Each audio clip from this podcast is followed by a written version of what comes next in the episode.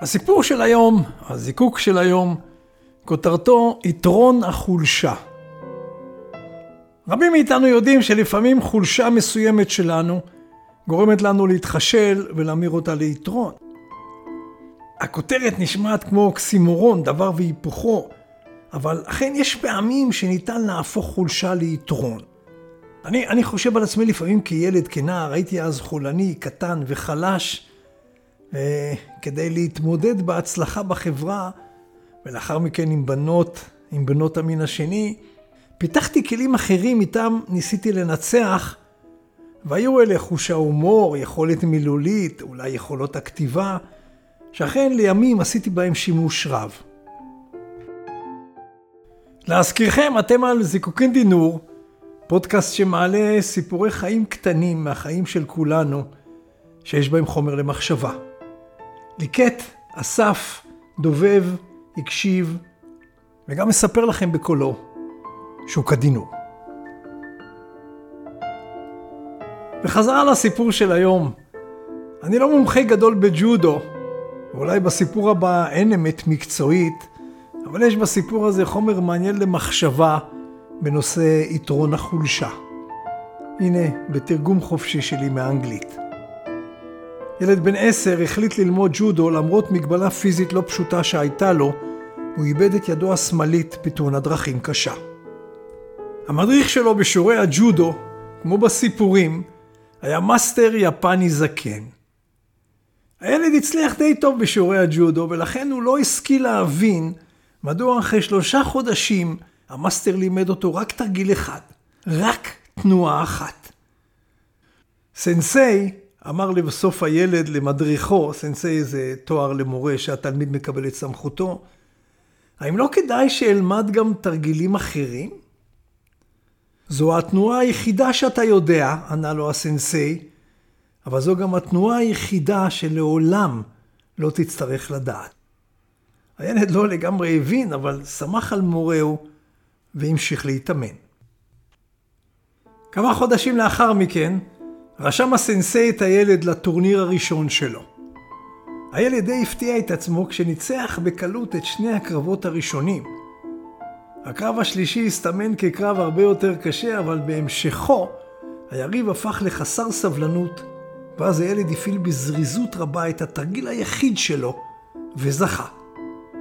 מופתע מהצלחותיו, הילד עכשיו היה בקרב הגמר. היריב בגמר היה כבר סיפור אחר לגמרי. הוא היה גדול יותר, חזק יותר ומנוסה יותר. בתחילתו של הקרב זה נראה כקרב לא הוגן. אפילו השופט הבחין בכך, ביקש פסק זמן ורצה להפסיק את הקרב. בשלב הזה התערב הסנסיי ואמר, לא, לא, לא, לא, תן להם להמשיך. זמן קצר לאחר שהקרב התחדש, יריבו של הילד עשה טעות קריטית. הוא לרגע זנח את ההגנה שלו, והילד בזריזות רבה הטיל אותו למזרון, הצמידו וניצח את הקרב. הוא היה עכשיו האלוף של הטורניר. בדרכם חזרה ניתחו המאסטר היפני ותלמידו כל תנועה וכל תרגיל בכל אחד מהקרבות. בשלב זה הילד עזר קצת אומץ ושאל את מורהו, סנסei, תגיד, איך ניצחתי את הטורניר רק עם תרגיל אחד? אתה ניצחת בגדול בגלל שתי סיבות, ענה לו הסנסei בשקט. הראשונה, אתה שולט כמעט במומחיות באחת מההטלות הקשות ביותר בכל קרבות הג'ודו. והסיבה השנייה, והסיבה השנייה, ההגנה היחידה הידועה בפני התרגיל שאתה כה מומחה בו, היא שהיריב שלך חייב לתפוס את ידך השמאלית. חייב לתפוס את ידך השמאלית.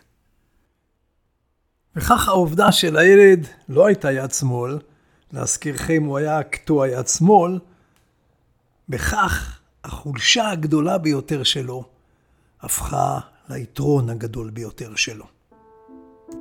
סופר על ידי יואל גרפונקל באתר אינטרנט בשם A Gift of Inspiration. וכמה מילים ממני לסיום.